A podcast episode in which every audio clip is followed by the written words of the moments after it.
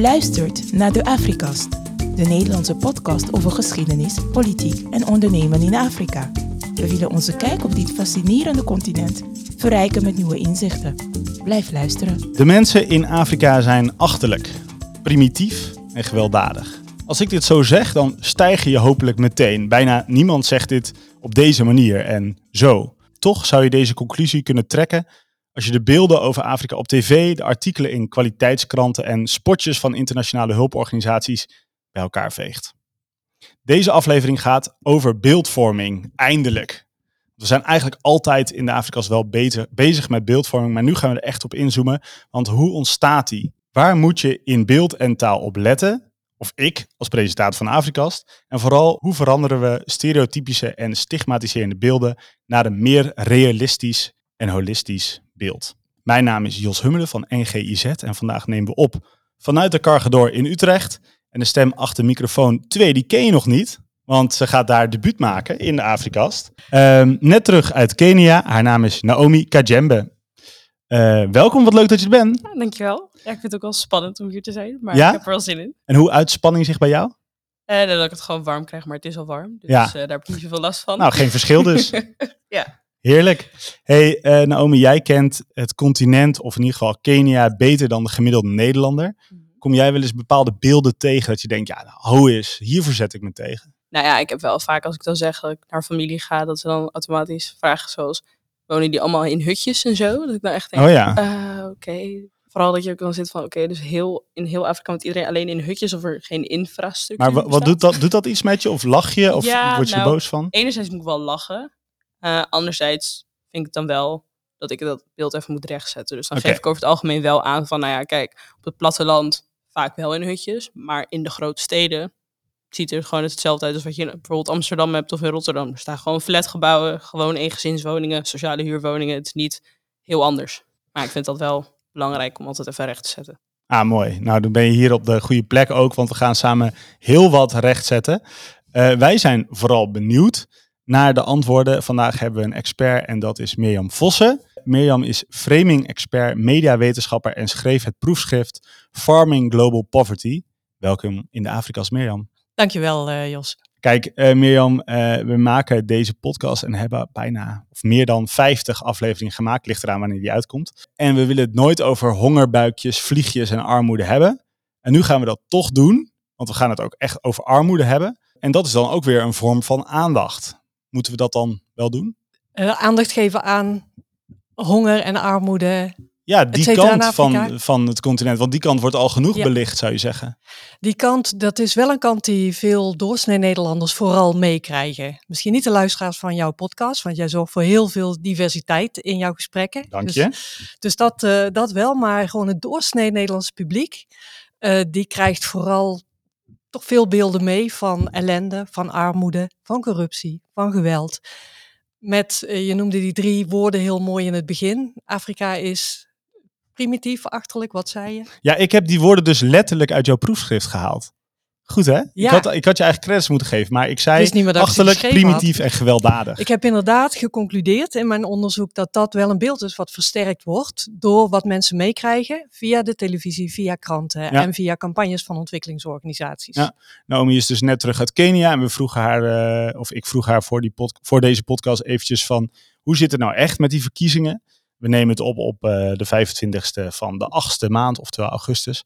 En dan zijn die verkiezingen net geweest in Kenia. Als ik daar correspondent zou zijn, dan zou je bijna hopen op opstandjes en op brandende banden, want het geeft mooie beelden. Alleen het is relatief rustig. Dus ik vroeg ook gelijk, hoe is het nou echt? En om een echt beeld te krijgen, ja, dat, daar zijn we toch afhankelijk van, van media met name, maar ook NGO's die, eh, die, die daar beelden schieten, die hier miljoenen mensen kijken. Dus we gaan het over beeldvorming hebben. Laten we er gelijk maar eh, aan beginnen. Goed? Prima. Nou, welke beelden vormen samen ons ge- gezamenlijke beeld van Afrika tussen haakjes? Als je op straat zou gaan met een microfoon en het mensen zou vragen, dan is het eerste wat boven komt eh, honger, eh, armoede, vliegjes in het oog. En de Afrikast. In de Na deze uitzending misschien wel. Hm. Mensen, het, het beeld wat mensen in hun hoofd hebben van Afrika is heel erg gekleurd door armoede, door ellende en, en door een beeld van dat het mensen daar niet lukt, dat wij moeten helpen. Dat zijn, dat zijn de verhalen die in het hoofd van mensen heel erg rondzingen. Eigenlijk lopen veel mensen rond met een beeld wat al 20, 30, 40 jaar oud is en in die tijd niet heel erg veel veranderd is. En er is heel veel veranderd En op er het is continent. heel veel veranderd op het continent. En dat is met heel mondjesmaat dringt dat op mensen door. Ja. Om een heel concreet voorbeeld te geven, wanneer je het hebt over wereldwijde armoede. Dan is armoede een beetje een ongelukkig voorbeeld, want dat is wel relatief gezien blijft Afrika daar wel achter. Maar Nou, het ging voor corona heel erg het goed. Laten we bijvoorbeeld dalende kindersterfte nemen of schoolbezoek. Als je het publiek vraagt, Van meisjes. van meisjes bijvoorbeeld. eh, als je het publiek vraagt, vraagt het doorsnee Nederlandse publiek, hoe is dat nu in vergelijking met pak een beetje 30 jaar geleden? Dan denkt de meerderheid dat het erger is geworden of even erg is gebleven Ja, dus dan toen. Dan- Afrika is een continent dat stilstaat. ja, en als je vervolgens zegt dat eh, ondertussen in Afrika eh, gemiddeld genomen vrijwel evenveel meisjes als jongens naar de basisschool gaan, dan kijkt iedereen je, iedereen, kijken heel veel mensen je heel glazig aan. Ze Mhm. hebben, mensen hebben geen idee. Ze krijgen dat verhaal op een of andere manier niet goed mee. Loop je daar ook tegenaan, Naomi, dat, je, de- ja, dat mensen, de, beel, de mensen beelden hebben over Kenia die gewoon pertinent niet stroken met de realiteit die jij nou, in ieder geval eens per jaar meemaakt? Ja, jawel. Dus wat ik net ook al zei, met dat woont iedereen in hutjes. Die er dan nog steeds. En dan denk ik, nou, we hebben nu ook qua social media en zo, zou je wel verwachten dat. En ook Google, dat je die kan opzoeken. Nou, het valt dus eigenlijk relatief gezien wel heel erg mee. Ik had wel nog een tijdje geleden dat ik bij de GGD was en dat iemand zag Kenia. En toen werd er automatisch gevraagd of ik besneden was. Die vond ik ook wel heftig. Want ja, vrouwenbesnijdenis vindt daar wel plaats, maar helemaal niet meer zoveel als 20, 30 jaar geleden. En vind je dan dat ze dat niet mogen vragen? Of Nou ja, jawel, maar het, het vindt wel plaats bij specifieke stammen. Dus dan Ja. zou ik verwachten dat je eerst vraagt bij welke stam ik hoor voordat je die vraag stelt. Alleen dat werd niet gedaan. Het werd gewoon meteen direct aan me gesteld. Dus toen was ik even van me apropos. Ik dacht, ja, oh, maar het is ook wel een hele heftige persoonlijke... Ja. Ja, ik vond het wel goed dat de vraag gesteld werd. Toen kon ik dus ook uitleggen van, nou, één, nee. Twee, dat komt eigenlijk amper nog voor. Zo'n specifiek, ja, volgens mij nog maar bij één of twee stammen In het noorden. in het noorden. En ik kom uit het oosten Mhm. van Kenia. Van de 52 stammen, dus dat is een heel klein aantal. Ja, dus ik schrok er wel van, maar ik vond het ook wel mooi dat ik dat dan bespreekbaar kon maken. En ook even het beeld kon veranderen. Want het is heel goed dat je het vraagt, maar niet iedereen is daar überhaupt heel erg open over. Mijn medische geschiedenis kun je ook zien dat ik geboren en getogen ben in Nederland. Dus dat ik alleen naar Kenia ga op vakantie. Tuurlijk kan het op vakantie gebeuren dat ik dan op dat zou dat kunnen gebeuren, maar de kans is wel heel klein. Ja, maar dat is, ik vind dit wel een mooi voorbeeld ergens. Ja. Ik weet niet of je helemaal kan verwachten van een Nederlandse zorgverlener dat hij de Keniaanse stammen weet of überhaupt weet dat er meerdere stammen zijn. Niet dat hij alleen denkt, nou, in Kenia wonen Kenianen. Ja. Maar, maar ik vind het wel een mooi voorbeeld, want vrouwenbesnijdenis, hè, dat is zo'n Ja. thema. Ik, ik krijg het bijna niet uit mijn strot, want wij Nederlanders denken dan, oh nee, weet je wel, dat is heftig en dat, dat het überhaupt gebeurt, moet stoppen en het Ja. is heel erg Ja, mannelijke dominantie. Dus het haalt hier ook, het maakt, het maakt hier de tongen los en het levert verhalen op. Het is een heel emotioneel onderwerp. Het is een verschrikkelijke praktijk. Maar ook hier geldt dat als je naar cijfers kijkt, naar de trends kijkt, is ook dat, ik zou de percentages niet weten, maar op heel veel plekken in, in het noorden van Afrika, ook flink op zijn retour, worden er, eh, of wordt het, gebeurt het helemaal niet, of worden er alternatieve rituelen bedacht die, veel, die niet schadelijk zijn Ja, voor de maar een vet meisjes. saai verhaal, toch? Vrouwenbesnijdenis is op zijn retour. Nobody cares, weet je wel. Het is veel, ja, het is echt een nieuwsverhaal als het, ja, als, als, dat, als je dat fenomeen voor het eerst soort van Ja, Daar, uitlicht. daar kom je gelijk bij eigenlijk een probleem, of een probleem, een, een probleem is misschien niet het goede woord, maar je hebt hier wel iets te pakken wat zowel speelt bij journalistiek die over Afrika gaat, als bij ontwikkelingsorganisaties. Bij de leven van het brengen van problemen. Eh, ontwikkelingsorganisaties doen dat omdat ze aandacht willen vragen voor hun werk, fondsen willen werven. En dat doe je niet met, terecht zoals je zegt, alleen maar een verhaal van eh, jongens, het gaat eh, crescendo Mhm. dan Ja. ja. wie draagt er dan ook bij? Ja. Althans, dat is de, de, de aanname. Nieuwsmedia, die eh, volgen dezelfde logica. Ik heb zelf de Academie voor Journalistiek gedaan, lang geleden, maar de les 1 is goed nieuws is geen nieuws. Nee. En daar zijn hele generatie journalisten zijn met dat idee opgegroeid. En dat zit in het journalistieke DNA. Je voelt of in bepaalde onderwerpen verhalen zitten. Ja. En dat zijn vooral verhalen over, eh, nou wat je net zegt was eigenlijk al een mooi voorbeeldje. Wanneer je in Kenia bent op het moment dat er verkiezingen zijn, dan hoop je als journalist, bij wijze van spreken, dat er ergens een brandje uitbreekt. Ja. En dat ga je filmen. Is de afgelopen verkiezingen trouwens ook precies zo gebeurd. Dat kreeg aandacht. En dat werd, dat, daar werd op ingezoomd. Terwijl eh, ook commentaren waren die wat verder hadden uitgezoomd en vonden van, hé, hey, het was eigenlijk heel weinig en het viel eigenlijk heel erg mee. En Ja, maar dat krijgt dan natuurlijk minder aandacht. Precies, ja. Een mooi commentaar afgelopen weekend ook in de Volkskrant over. Een hele mooie foto van een groep mannen die heel gespannen aan het kijken is. Die zijn aan het wachten op de uitslag. En een commentaar ben even de naam van de journalist kwijt, die zich dan afvraagt van, hé, hey, waarom is dit niet nieuwswaardig?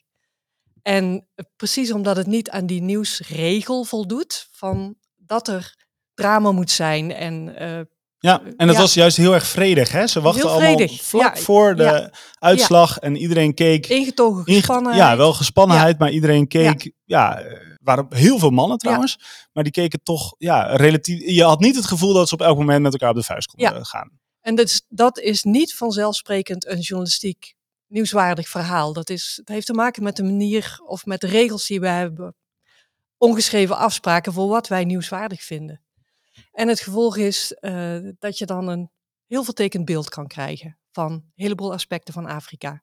Even weer terug naar beeldvorming. Eh, de input hebben we dus eh, inderdaad bepaald ook. Dat komt ook door de, kranten en de media die wij lezen. Zijn er ook beelden die schadelijk zijn voor onze manier van kijken of ontwikkelingssamenwerking? Met andere woorden, zijn er, ja, of wat, ik denk wel dat er problematische beelden zijn, maar Ja. wat zijn de problematische beelden? Problematische beelden.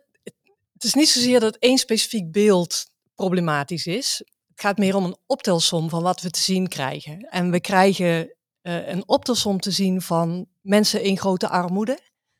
Eh, we krijgen een optelsom te zien van beelden die eh, de nadruk leggen op problemen die er nog zijn.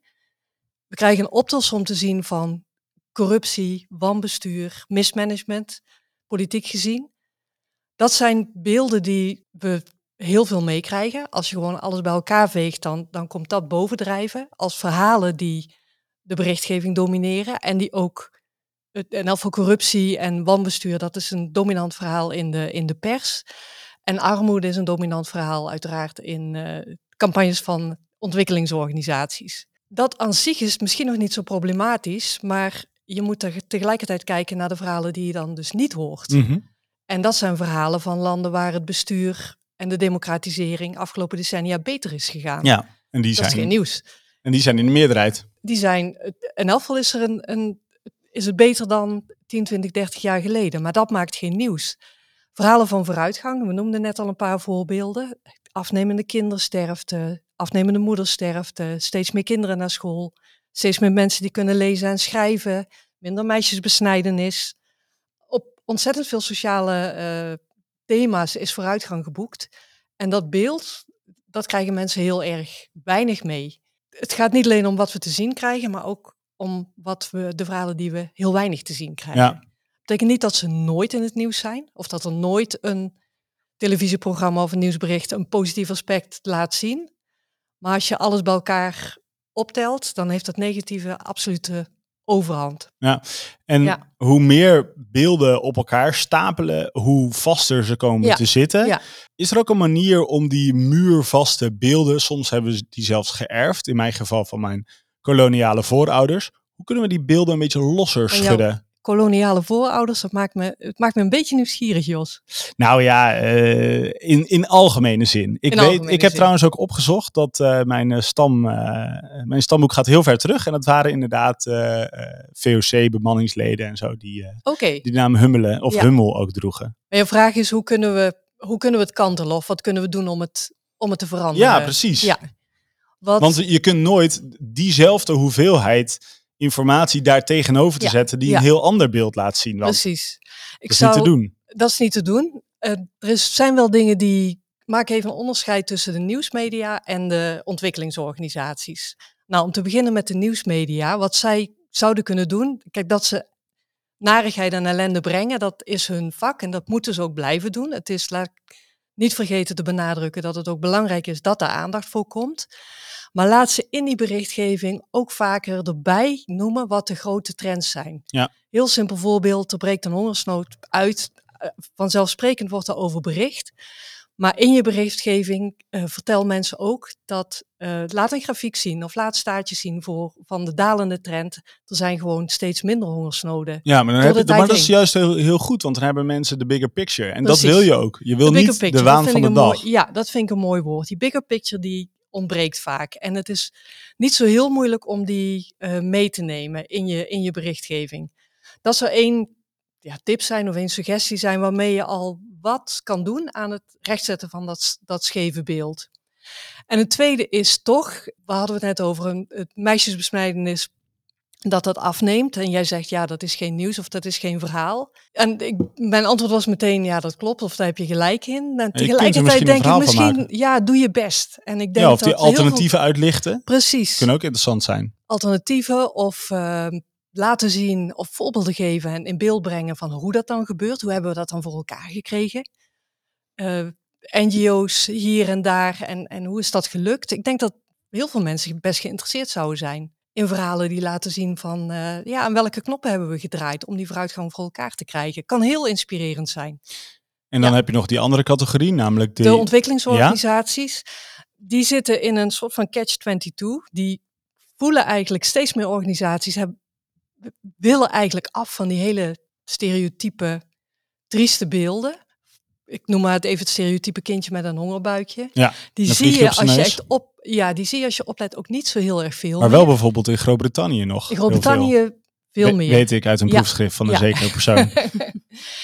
in Groot-Brittannië zijn ze nog echt alom tegenwoordig. Ja, we hebben het natuurlijk over wij nu eventjes, maar in het Ja. Westen eh, zijn de trends ook wel verschillend.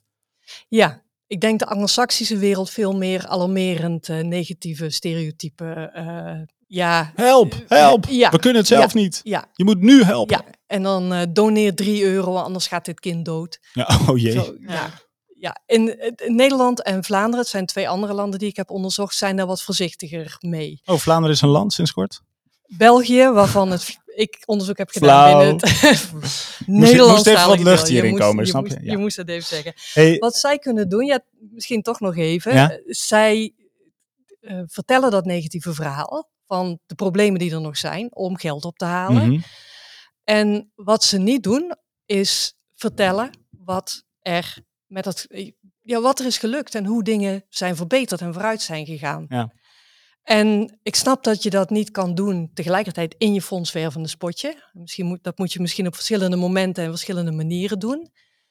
Het is ook niet dat ze dat niet doen, maar waar doen ze het? Op een website, op een jaarverslag. En wie gaat daar spontaan naar kijken? Nou, bijna niemand. Nou, maar wel de vaste do- donatoren misschien. Vaste donateurs, maar nu neem mijn moeder. eh, met een groot hart, eh, zeer betrokken. Die ziet op televisie een campagne, spotje, waarin trieste beelden te zien zijn. Oproep tot hulp.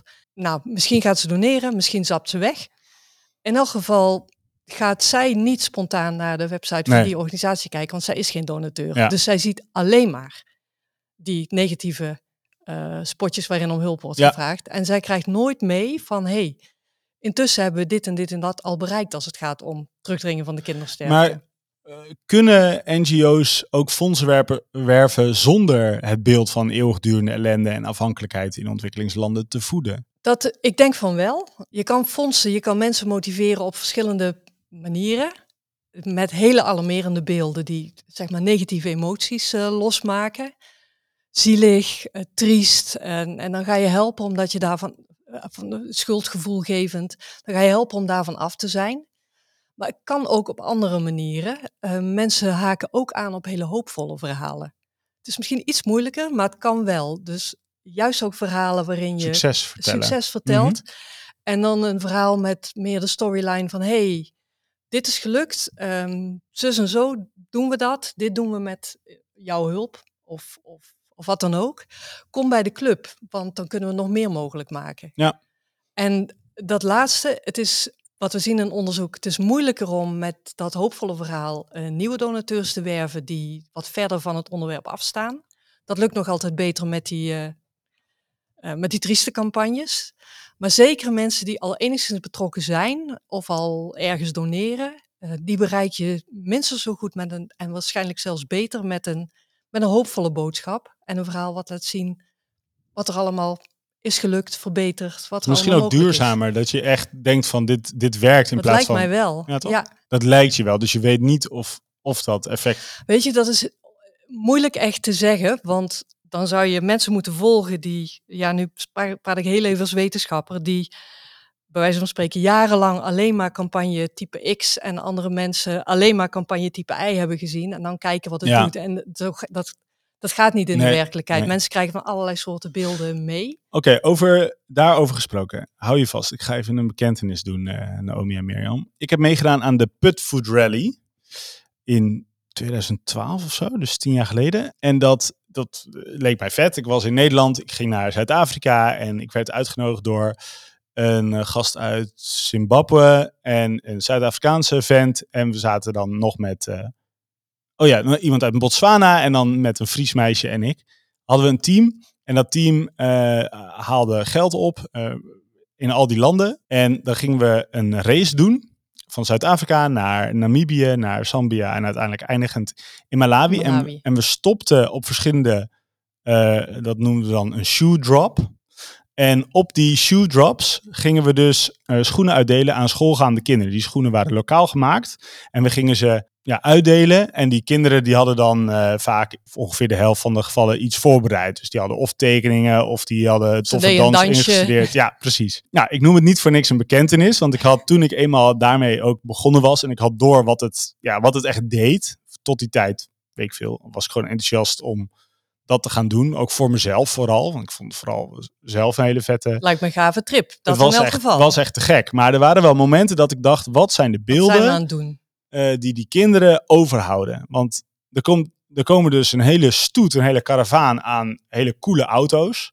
Eh, groot, sterk of grappig. Een grappige auto, super decadent natuurlijk.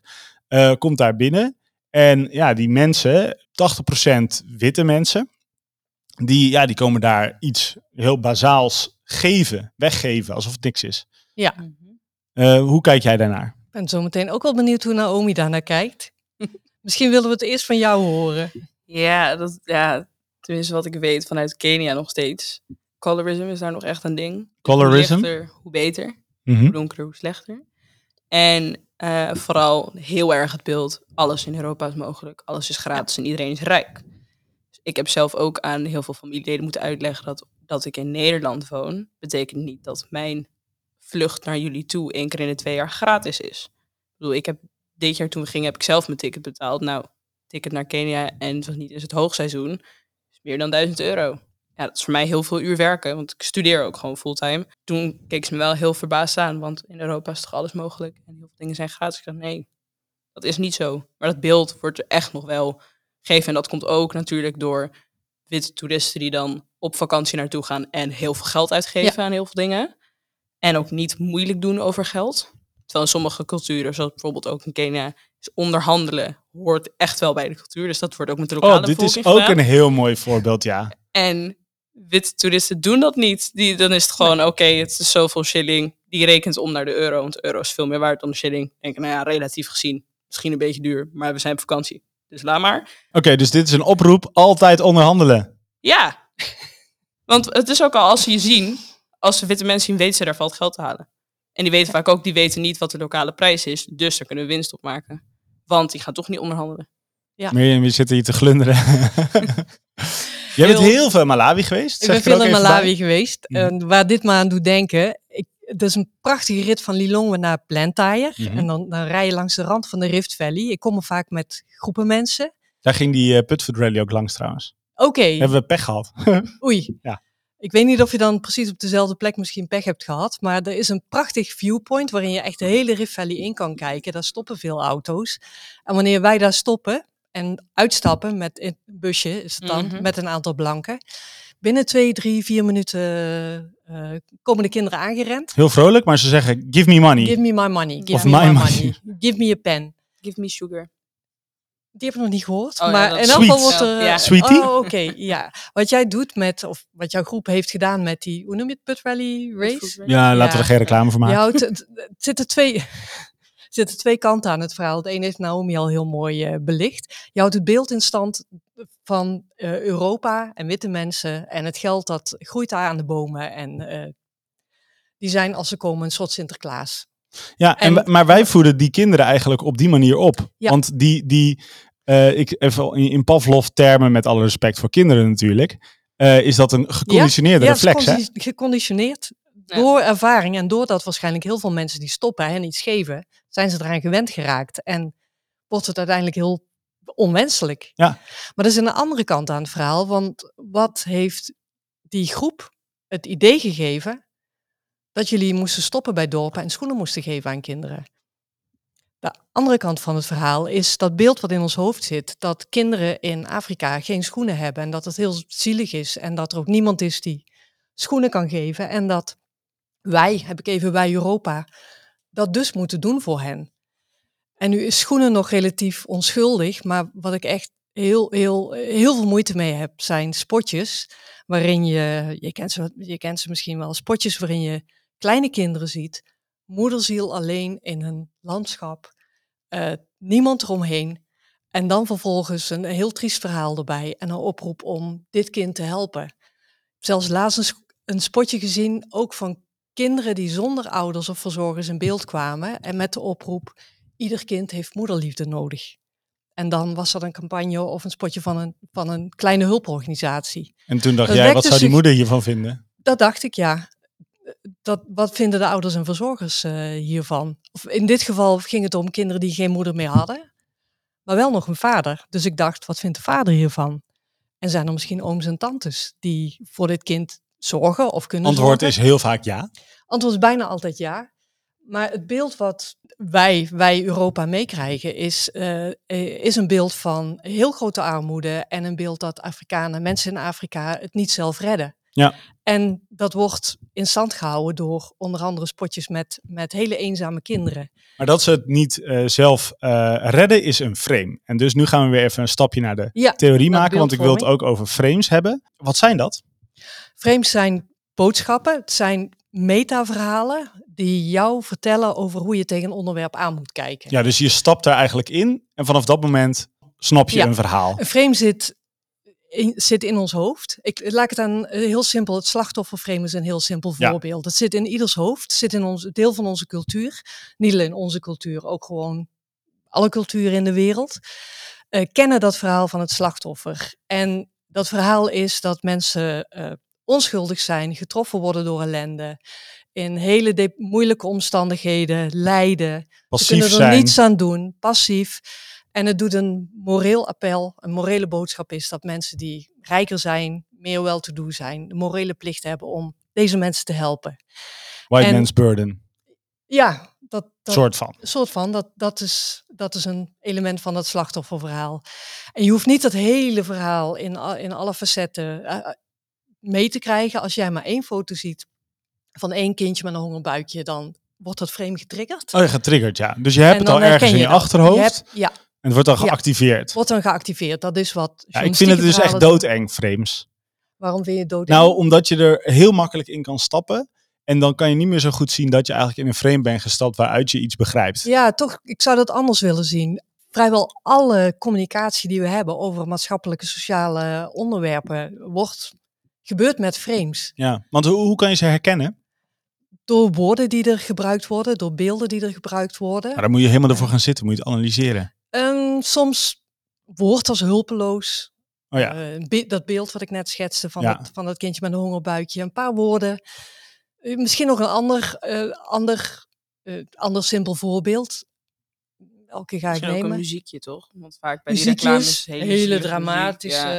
heel rustig en dan hele dramatische muziek zit er dan onder. Dat eh, allemaal een combinatie van, je hoeft niet eens echt eh, heel bewust eh, dat te analyseren. Je herkent het gewoon bijna intuïtief. Ander voorbeeld misschien het so- sociale rechtvaardigheid. Ook een woord wat je kunt, of een frame wat je kunt herkennen aan, aan recht op voedsel, recht op gezondheidszorg. Een NGO als Oxfam gebruikt dat frame bijvoorbeeld heel vaak, vaak in, in zijn campagnes. Nou, zo kan je met woorden, eh, en dat vertelt, om daar toch even bij te blijven, dat vertelt een heel ander verhaal over de situatie in Afrika dan dat slachtofferframe. Als je campagnes van Oxfam ziet, dan zijn het over het algemeen mensen die gewoon echt iets proberen uh, van hun leven te maken.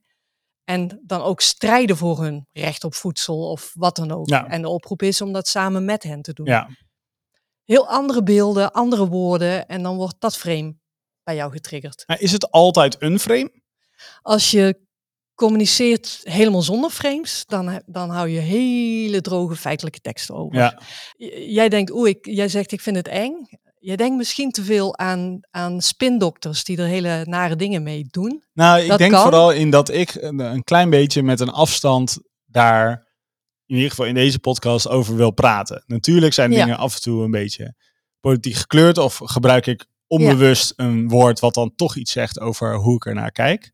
Maar Ja. wel zo min mogelijk. Iedereen gebruikt frames. En een aantal mensen doen dat heel expliciet. Ontwikkelingsorganisaties in hun campagnes, politici natuurlijk. Ehm, maar het is een, vooral een normaal onderdeel voor hoe, hoe we met elkaar communiceren. En je moet ze ook gebruiken. Want hoe kun je anders iemand meenemen?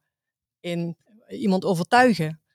Je beschrijft, van je het beschrijft in je onderzoek negen armoedeframes. Ja. Kun je er zomaar even een paar noemen? Ja, Ja. Wel, wel één seconde. Ik, ik ben voor mezelf even nagegaan. Ik heb gewoon gekeken, ik heb ze allemaal gelezen. Ja, En toen dacht ik, ik gebruik er vijf. oké. Gewoon regelmatig. Ja, Een paar die spreken me dan helemaal niet aan, dus ik gebruik ik nooit. Maar vijf ja. lijkt me een slechte score. Maar dat is geen must om ze alle negen te Oké, gebruiken. dus ik ben gewoon te negatief over een frame. Een frame is gewoon een fenomeen. is een fenomeen. Het, het, kan, het kan een probleem zijn als mensen heel eenzijdig alleen maar één, één bepaald frame meekrijgen. En nooit iets anders. Maar in een gezonde discussie eh, is er een wisselwerking en krijgen we van alles mee. En het helpt ons om onze gedachten en onze ideeën over een onderwerp te vormen. Dus juist die diversiteit in frames is aan zich een goed ding. Probleem zit vooral in, in eenzijdigheid. En dan kom ik bijvoorbeeld weer, een, een van de frames die ik, eh, die ik beschrijf is bad governance, slecht bestuur. Ja. Die zien we heel vaak, maar zonder een tegenhanger van goed bestuur. Dus eh, dan zie je dat die heel eenzijdig wordt, wordt ingezet. Een ander frame is het vooruitgangsframe. Toekomstgericht, er iets opbouwen, ehm verbeeld door echt vaak hele concrete foto's van nieuwe waterputten, nieuwe scholen, nieuwe, noem het maar op. Dat is een heel krachtig frame, maar in eh, campagnes van ontwikkelingsorganisaties zien we vooral dat dat er allemaal nog niet is. Dus eenzijdigheid is, een groter, is, is vooral het probleem. Ja, idealiter wissel je ze af en zorg je in je communicatie voor een, eh, voor een breed perspectief.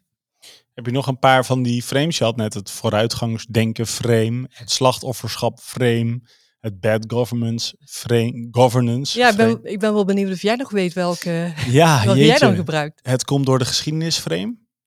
Ja, en er is e- één frame, ik ben even, zelfs even kwijt hoe ik het precies genoemd heb, maar een frame dat zegt, het verhaal heeft the chain of being.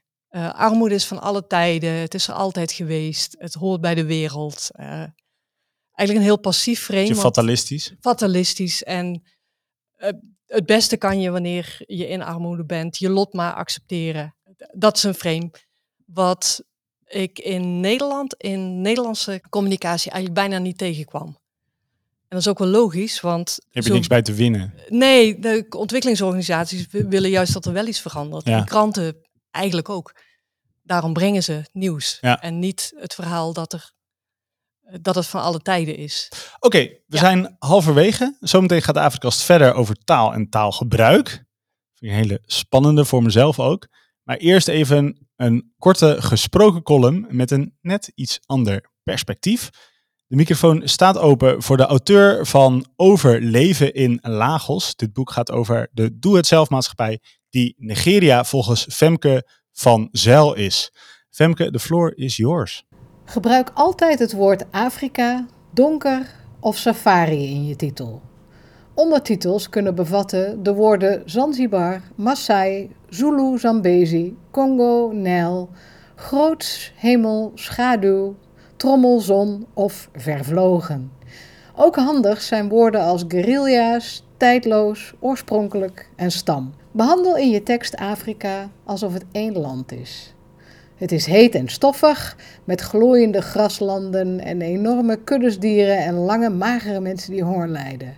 Of het is heet en stomend, met hele korte mensen die primaten eten. Verzand niet in nauwkeurige beschrijvingen.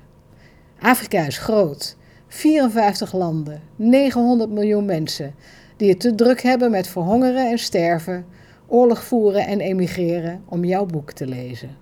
Dit zijn niet mijn woorden, maar die van een te vroeg overleden vriend, de briljante Keniaanse schrijver Binyavanga Wainaina. Hij schreef ze in 2005 uit frustratie over de westerse representatie van het Afrikaanse continent. Toen dit satirische essay met de titel How to Write About Africa uitkwam, ging het meteen viraal onder Afrikaanse intellectuelen. Zo herkenbaar waren de voorbeelden die Binyavanga aanhaalde. Woorden zijn geen toevalligheid, maar weerspiegelen de gedachtenwereld van degene die ze uitspreekt, ook de onbewuste. Je woordkeus verraadt daardoor soms vooroordelen waar je zelf geen weet van hebt, of waar je liever niet aan herinnerd wordt. Maar als je wilt vertellen over een wereld die de jouwe niet is, zeg Afrika, dan moet je je daarvan juist bewust worden. Anders doe je niets anders dan de al bestaande stereotypes bevestigen. Binyavanga had het niet alleen over woordkeus, maar ook over de invalshoek van Westerlingen die vertellen over Afrika. Hij schreef verder in zijn satirische stuk: Taboe-onderwerpen zijn gewone huiselijke taferelen, liefde tussen Afrikanen, tenzij er sprake is van overlijden, verwijzingen naar Afrikaanse schrijvers of intellectuelen en vermelding van schoolgaande kinderen die geen last hebben van tropische ziektes, ebola of genitale mutilatie. Toen ik dat destijds las, dacht ik terug aan mijn allereerste keer als verslaggever in Afrika. Dat was in 2002 en ik maakte een reportage over kraamsterfte in Mozambique. Een week lang bracht ik door in landelijke ziekenhuisjes en dorpjes, deed ik interviews met analfabete kraamvrouwen en de zeldzame gynaecoloog en tekende ik verhalen op over meisjes van 14 die een bevalling niet overleefden en weeskinderen wiens moeder bij hun geboorte overleed. Het werd een verdrietig verhaal en er was geen woord van gelogen. Maar toen ik daarna een week bijtekende voor een korte vakantie in het zuidelijk Afrikaanse land, zag ik een heel ander Mozambique. Aan het strand van Maputo zag ik verliefde stelletjes en spelende kinderen in de branding. Ik hoorde muziek en rook gebarbecuede vis. Toen realiseerde ik me dat ik de wereld die ik had beschreven in mijn reportage over kraamsterfte helemaal niet kende. En dat ik door me alleen op de ellende te concentreren de mensen geen recht had gedaan. Want geen enkel land bestaat alleen uit armoede, honger, corruptie of oorlog. Op dat moment besloot ik om nooit meer te doen aan dit soort parachutejournalistiek, waarbij je uit het niets in een gebied wordt gedropt en meteen aan het werk gaat. Voortaan zou ik eerst langere tijd ergens verblijven om het er beter te leren kennen, alvorens een pen op papier te zetten. Geen continent lijkt zo tot de westerse verbeelding te spreken als Afrika. Maar geen continent wordt ook zo eenzijdig gepresenteerd. Alsof het één land is vaak. Over Afrika kun je bovendien leeslijsten vinden waarop alleen maar auteurs staan die er niet vandaan komen. Kun je een leeslijst over de VS voorstellen waarbij de belangrijkste Amerikaanse denkers ontbreken? Dat soort eenzijdige voorstelling kleurt de woorden en de inhoud van onze verhalen over Afrika. Wat we daaraan kunnen doen? Om te beginnen, ophouden met praten over Afrika en voor de verandering eens praten met mensen uit Afrika. Of beter nog, naar ze luisteren. Biavanga is er niet meer, maar zijn stem klinkt nog wel. Google maar eens op Rewriting Africa en Al Jazeera. Dan legt de Keniaan het allemaal nog een keer glashelder uit. Dank Femke van Zel. Extra stoer dat jij het hebt gedaan als journalist, waar we natuurlijk ook wel kritisch op zijn in deze podcast. Uh, Femke van Zel is auteur van het boek Over leven in Lagos. Let op, er staat dus een spatie tussen over en leven. Een nieuw boek, zeker aan te raden. Um, wil je hierop reageren, Mirjam? Ik vind het een heel mooi, mooi verhaal. Ik kende de, de tekst waar ze mee begint, die inderdaad viraal is gegaan. En nog altijd actueel is. Dus een hele goede om die... Ik, ik moet er ook om glimlachen. Ik zag jou, Naomi, ook glimlachen toen je het hoorde. Het kwam me wel vaag bekend voor. Toen dacht ik, oh ja. Het heet natuurlijk How to Write eh, About Africa, maar het heet, had, had eigenlijk moeten heten How Not to Write. How not to write About Africa. En heel mooi hoe ze beschrijft haar eigen ervaring als ze in die kraamkliniek zit. En dit is precies, precies hoe het werkt binnen de journalistiek. En even voor alle duidelijkheid, dit gaat om journalisten die integer hun werk doen. Ja. Dus ik, we zijn, je, je zegt terecht, we zijn... Maar het is best- allebei waar, hè? Het is ja, niet zo ja, dat precies. ze, liegt geen woord. Ja, Dat klopt, ja. En toch ziet ze van, hé, hey, het is ook eenzijdig. En wat geef ik, precies, wat geef ik mijn publiek mee? Ja. Als ik Geloof dit vertel. De laatste keer dat ik iets over Mozambique heb gezien was van Bram Vermeulen, als ik me ja? niet vergis. En die was nou soort van half op de vlucht voor zo'n El Shabaab-achtige groep die daar in Noord-Mozambique moordend rondging. Eh, terwijl ik ken dan ook het verhaal van mijn vrouw die daar is geweest en daar een hele goede tijd heeft gehad. Dus dat compenseert dan. Maar Ja. heel veel Nederlanders krijgen natuurlijk Maar alleen dat dat, Bram Verheulen niet, of Femke van. Zel verhaal mee. Bram haalt de televisie en jouw vrouw Nou, dat weet je. wel? Nee. Oh. Nee. Wat mij betreft zou ze dat wel moeten doen. Ja. Maar eh, nee, eh, zij is arts, dus ze komt niet op tv. hey, eh, we gaan het over taal hebben. Een blokje waar ik een beetje tegen opzie. Want ik vind altijd, ja, dat spontaniteit en frivoliteit, die wil ik toch wel behouden. Ik wil niet op eieren gaan lopen om dan precies de juiste termen te zeggen. En ja, dat komt al het woord politiek correct, wat ook een soort Mhm. frame is eigenlijk. komt er dan bij kijken. Maar misschien zit er iets tussen, tussenin. Hè? Dus tussen alleen maar gewoon eruit eh, spitballen wat je op, je op je lever hebt. En heel spastisch, eh, heel erg zoeken naar precies de juiste woorden om maar niemand voor de neus te stoten. Klopt dat? Ik denk, ik denk dat dat klopt. Als wij eh, praten of lezen of beelden zien over Afrika, dan belanden we heel vaak in archetypes. Ofwel, het gaat over wat jij dan beschrijft als de nobele wilde. Die is eh, primitief en goed, hè, intrinsiek goed. Of juist de gevaarlijke wilde. Let op, allebei dus wild. Linksom of rechtsom. De Afrikaan is wild. En die Ja. laatste, eh, de gevaarlijke wilde, die is juist onbeschaafd en moordzuchtig. Waarom verval, vervallen wij zo snel in ja, dit soort extreme beelden en typeringen? Het is de vraag of we erin vervallen. Ik denk dat ze er altijd geweest zijn, of al heel lang bestaan en heel moeilijk uit te roeien zijn. Oké. Misschien met dat laatste beeld te beginnen. Dat, dat beeld van de gevaarlijke wilde. Mhm. Primitieve beeld van eh, mensen in Afrika als roofzuchtig, moordzuchtig. Dat speelt nu een rol in eh, de angst die gevoeld wordt voor migranten Oh ja. uit Afrika. Oh ja. We zien het en we zien het herhaald. We zien dat beeld versterkt met bijvoorbeeld beelden van jonge mannen die het noorden eh, tegen hekken opklimmen. Ja. In die enclaves. Ja, even de namen kwijt. Sarita en Melilla. Precies, ja. Om in die enclaves om Spanje binnen te komen. En dat soort beelden roepen die associaties met gevaar, binnendringers, eh, die, die appelleren aan dat archetype wat we, wat we kennen en versterken dat. En heel concreet, eh, echt afschuwelijk hoe gereageerd werd door een aantal mensen op de komst van een asielzoekerscentrum of een, Een aantal, dat hotel. uh, over, overal eigenlijk, waar een AZC maar of ik- waar ik- asielzoekers waar ik worden op doel is echt heel specifiek zelfs die borden met we willen geen verkrachters hier. Of ik weet niet Ja, precies dat wat het gezien, ja. toch? Ja, en eh, dat, dat is ook weer, nu gaat het om in dat, Ja, dat want- as- asielzoekers Want het asielzoekers zijn gevaarlijke wilde leesverkrachters. Allemaal. Ja. Ja. precies. Dat, nou, het appelleert aan dat eh, het stereotype beeld, aan dat archetype. En dat is een, een, een, mooi, een, een mooi beeld. Een sterk beeld, hè? Ja, want een sterk beeld. jouw dochter, weet je wel zo. Ja, ja. Die, die kan zo meteen niet meer over straat. Het komt binnen. Het gaat, Die kan niet meer aan wat ze wil, Ja, weet je zo. ja, ja. En voor de goede orde, dit vind ik dus niet, hè? Maar dat verstaan. Nee, voor de goede de orde ik ook niet. Maar dat is wel een stereotype waarmee je echt pas eh, het onderbuikgevoel van mensen raakt. Een hele diepe primaire angst is een hele sterke emotie. En eh, als je dat één keer los hebt gefrikt, zeg maar, is het heel moeilijk om daar weer andere beelden tegenover te zetten Ja. om dat af te doen nemen. Ja. Hey, Ja. En wat voor taal moeten we, of moet ik, hanteren als we het hebben over een plek die niet de onze is? Vind ik een, een moeilijke vraag om antwoord op te geven. Ik, Niet de ons in welke zin. Nou, ik, ik heb een, eh, wel een leuk voorbeeld. Ik Ja. laatst, eh, mijn, mijn, een van de rode draden in deze aflevering is mijn vrouw. Mhm. Blijkbaar, ineens. Blijkbaar. Maar die zat Sonny Boy, heet die film zo te Mhm. kijken, Sonny Boy. En dat ging, ja, ik keek een beetje met een schuin oog mee. En dat ging dus over een, een zwarte man die naar Nederland migreerde uit Suriname. Ja, zo was het. Mhm. Ik kom dus van de Veluwe. En ik vond dus dat een extreem stereotypische film ten overstaande van gereformeerden.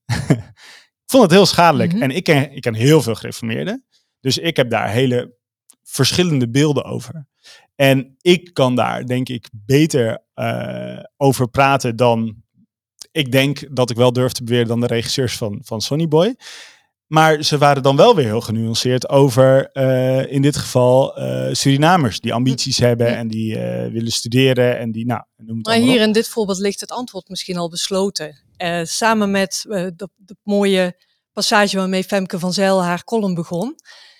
Het dat verklaart misschien ook waarom ik even moeite heb om direct een antwoord te vinden. Het gaat juist om niet één woord kiezen. Ja, Ik denk dat het daarin besloten is.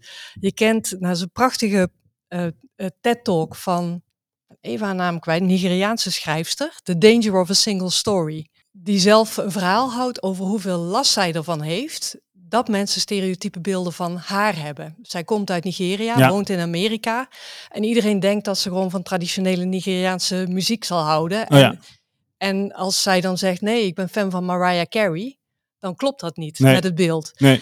Dus wat ik zou willen meegeven, ben waakzaam voor al die, die dingen die Femke van Zijl in dat, in dat verhaal over How Not to Write About Africa opnoemt. Ja, En zorg dat je, ze, zorg dat je daar alert op bent. Dat, en voldoende afwisseling. Zorg dat je daar niet in, eh, niet in vervalt en niet in meegaat. ik vind soms het praten over eh, Afrika of de mensen die daar wonen. Er is lang gesproken over dat, dat wij daar paternalistisch over spreken. Hè? Je begint te Ja. knikken. Vertel. Ik begin te knikken. Paternalistisch in die zin dat we praten vanuit, we in Europa praten vanuit het beeld dat Europese landen verder zijn, meer ontwikkeld zijn dan landen en mensen in Afrika. En daar komt een bepaalde houding. Dus wij zijn het voorbeeld. Wij zijn het voorbeeld. moet, zij moeten worden zoals wij. Dat, ja, niet, dat zullen mensen niet snel letterlijk zeggen, Nee. maar dat zit wel impliciet in, in het gesprek, zit dat, zit dat verstopt. Ja, we voelen, we voelen afstand. Ik, waar ik wat mee zoek is dat ik niet zo snel kom op echt direct concrete woorden waarmee dat gebeurt, maar het, het Het gaat is meer een om- houding. meer een houding Ja. wat tot uiting komt in het gesprek eh, als geheel en ook in de manier waarop mensen met mensen in Afrika omgaan. Ja. En om toch een voorbeeld te noemen wat ik, wat ik zelf eh, vrij schrijnend vind. Een medisch antropologe die onderzoek heeft gedaan in ziekenhuizen en ik meen Burkina Faso en gekeken heeft eh, hoe stagiaires uit Nederland en Vlaanderen eh, zich daar bewegen op de afdelingen, vooral gynaecologie. Oké. En zij als een soort van toeschouwer heeft ze de dynamiek daartussen geobserveerd en beschreven. En dat, dat levert echt gewoon tenenkrommende scènes op van studenten met alle goede bedoelingen die naar dat land gaan en daar stage gaan lopen. En ja, laat ik het toch maar zo zeggen, eh gynaecologen die daar al twintig jaar werken, de les lezen. Omdat die niet precies doen zoals zij het op school geleerd hebben. Ja. Zonder enig respect en zonder eerst te vragen waarom bepaalde dingen daar op een bepaalde manier gebeuren.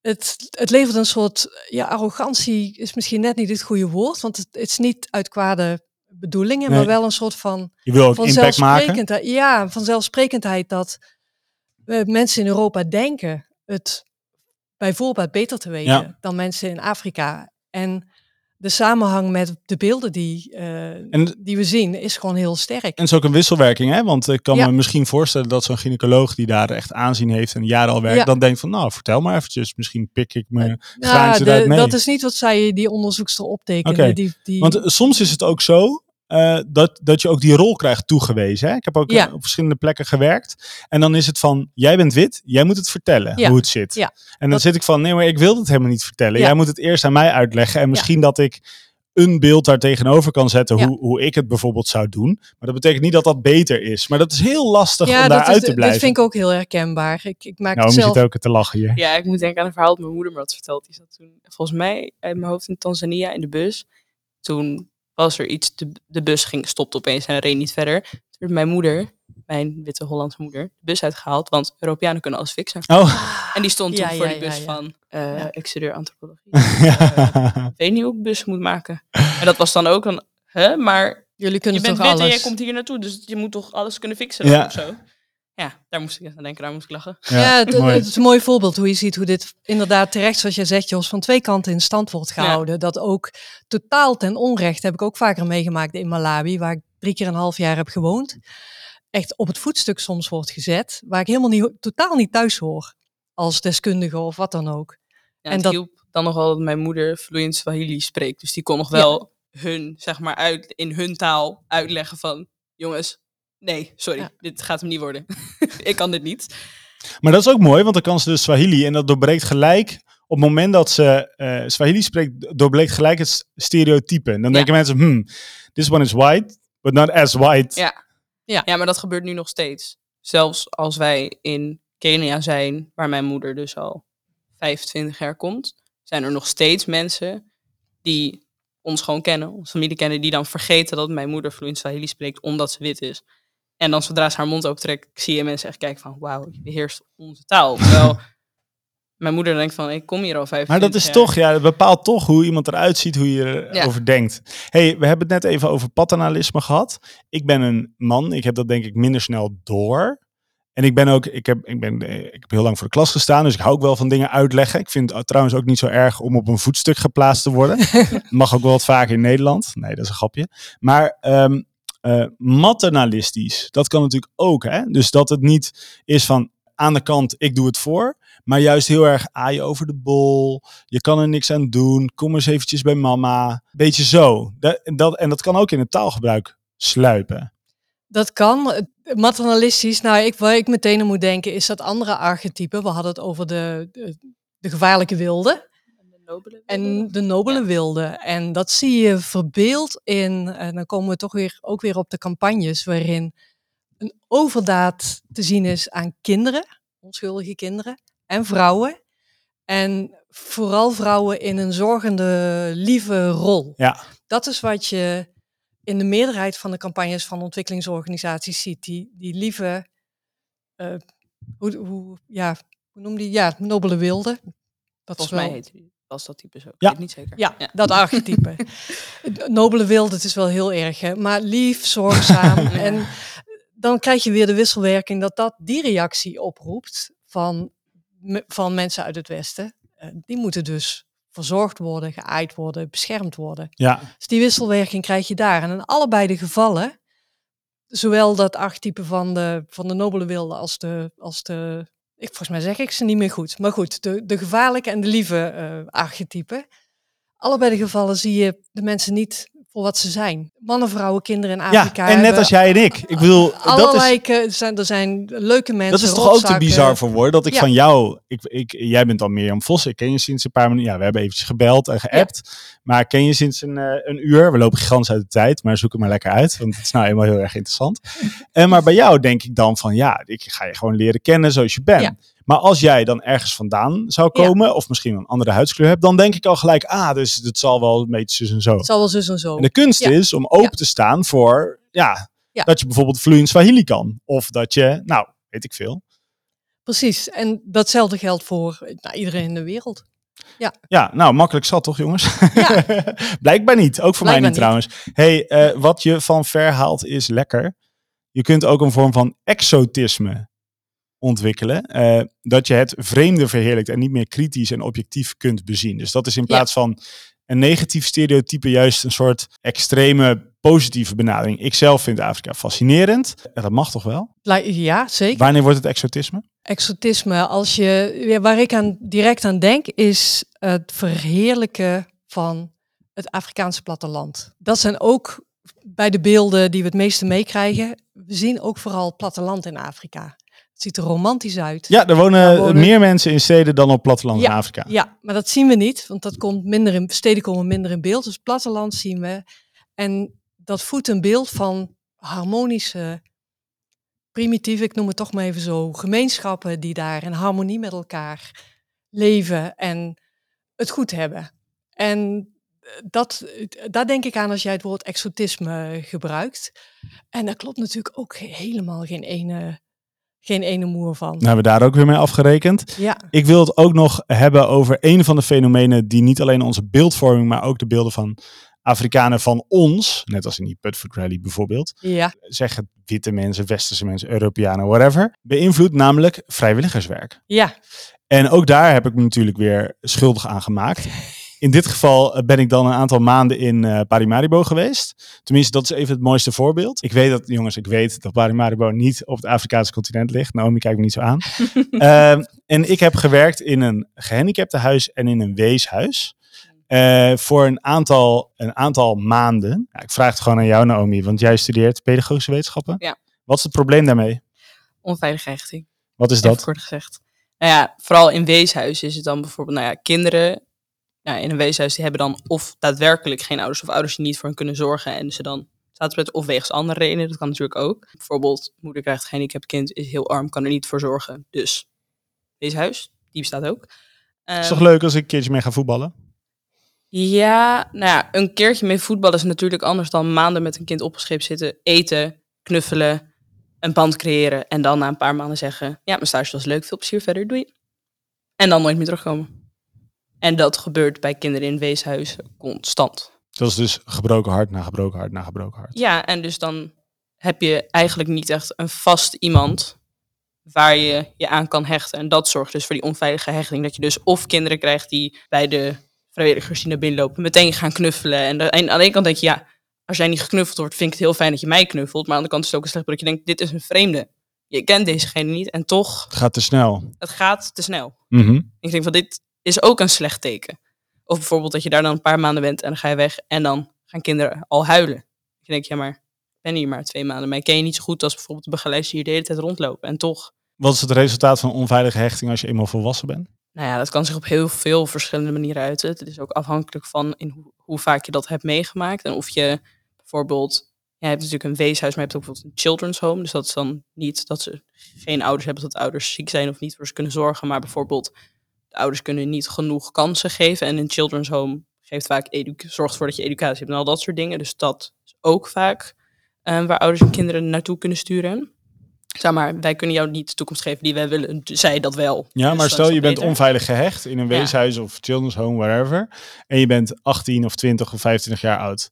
En je begint een relatie met een leuke jongen of een leuk meisje. Ja, in een relatie kan dat bijvoorbeeld zijn dat je dan extreem afhankelijk wordt van je partner. Op emotioneel vlak bijvoorbeeld. Dat je heel vaak te horen moet krijgen van ik geef om je, ik hou van je, dat soort dingen. Ja. Of juist dat je heel erg eh, vertrouwensproblemen krijgt. Ja. Dus dat zodra jouw partner de deur uit is of met vrienden afspreekt of weet ik veel, dat je dan heel erg wantrouwend bent en het gevoel hebt, oh je gaat me nu verlaten, je gaat vreemd, je...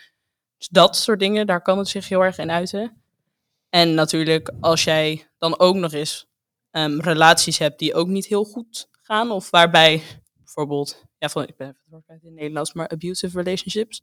Als je dat dan ook nog eens heel veel hebt, kan het ook weer overgegeven worden als jij dan kinderen krijgt. Dat je daar dan ook niet veilig Ja, kan van generatie op generatie. Ja. begint het, eh, Mirjam, al door te dringen bij vrijwilligersorganisaties dat ze uit een ander vaatje moeten tappen als altijd maar die weeshuizen voeden met een eindeloze stroom van kortdurende stageplekken? Ja, dus absoluut heel veel in beweging ja, wat fijn. dit betreft. Grote gevestigde ontwikkelingsorganisaties die hebben dat absoluut afgezworen. Die investeren niet in weeshuizen of kinderhuizen, hoe je ze ook wil noemen. Of En- duurzaam?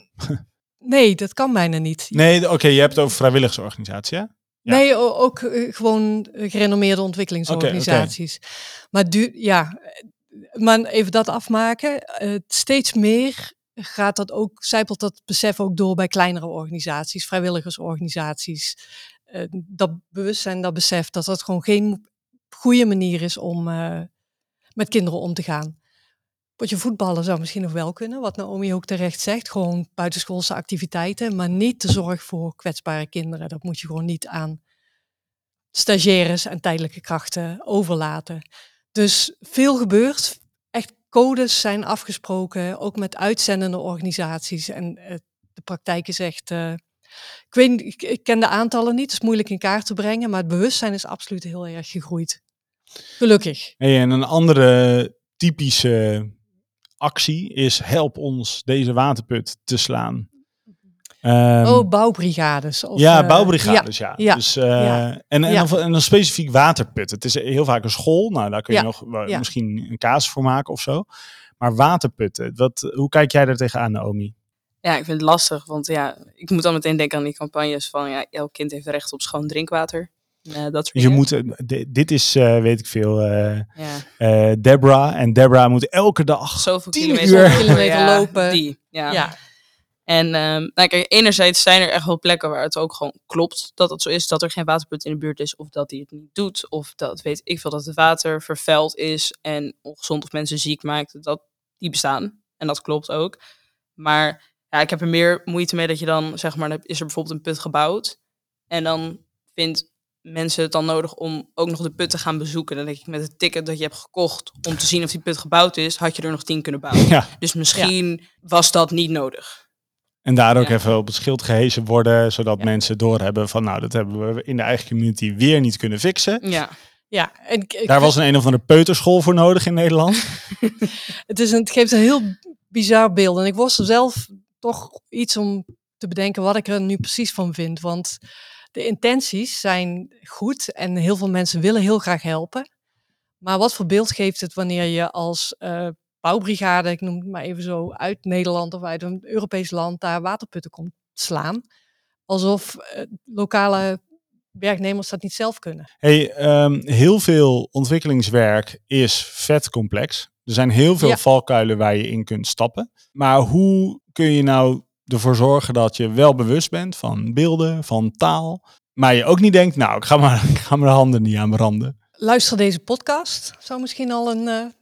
Denk goed na over wat je doet en je, de resultaten die dat sorteert en de beelden die dat achterlaat. Ik, ik denk constant op je quivive zijn. Het is niet één, één tip, maar uh, die, uh, prent dat lijstje van How Not to Write Africa hang dat aan je muur en zorg dat je dat bij je hebt. En herkennen bij jezelf wanneer je in stereotype taal vervalt of, of uitspraken. En ook wanneer je op een stereotype manier over situaties en mensen gaat denken. Van ze zullen wel dit of dat of zus of zo. Ja, goede intenties zijn niet genoeg. Goede intenties zijn niet genoeg. Met de beste bedoeling kan je heel veel dingen verkeerd doen. Kapot maken. Kapot maken. Dus blijf, ja, blijf alert op, uh, op je beelden, op je aannames, op de manier waarop je erover praat. Hou, hou jezelf in je eigen eh, dingen die je doet gewoon kritisch tegen het licht. Uh, sta open. Ja, ik denk sta er gewoon open voor dat de beelden die je misschien hebt niet kloppen. En luister ook. Want ik vaak merk dat mensen dan van, ik ga in Afrika arme kindjes helpen of zo. En dan is ze van, oh, je bent in een, een children's home, maar je hebt dus wel ouders. Maar dit is toch een soort van een weeshuis, dus hoe zit dat dan of zo? Of dan, oh ja, die ouders zijn vast arm, dus daarom ben je hier. En dan denk ik, ja, maar misschien moet je ook gewoon luisteren naar waarom iemand hier is of waarom er voor gekozen is om je kind daar naartoe te sturen. Ik bedoel, het is niet iets wat gewoon iedere ouder zeg maar zomaar doet. Dus luisteren en vragen. Ja. Ja. En ook laten tot je doordringen. Want soms wel van oké, dit is een zielig verhaal. Nou, bedankt voor het delen of zo. En dan doe je er daarna niks mee. Dan denk ik, ja, luister echt. Niet aanhoren, maar luisteren. Mooi. Ook nog een tip van Flip. Als je dan toch met straatkinderen gaat werken, kortdurend, langdurend, weet ik veel, en je maakt een selfie, zet hem dan niet op Tinder. hey, bedankt voor het luisteren naar de Afrikas. De Afrikas wordt gemaakt door een groep jonge vrijwilligers die, het, die een beter beeld van Afrika belangrijk vinden. Dit zeggen we niet alleen deze aflevering, dit zeggen we altijd, Mirjam. Uh, we zijn naastig op zoek naar een studio in Utrecht. Dus mocht je een gratis plek weten om op te nemen, omdat je onze doelen belangrijk vindt, Stuur dan een mailtje naar afrikastpodcast.gmail.com. Speciale dank aan onze columnist van vandaag, Femke van Zijl.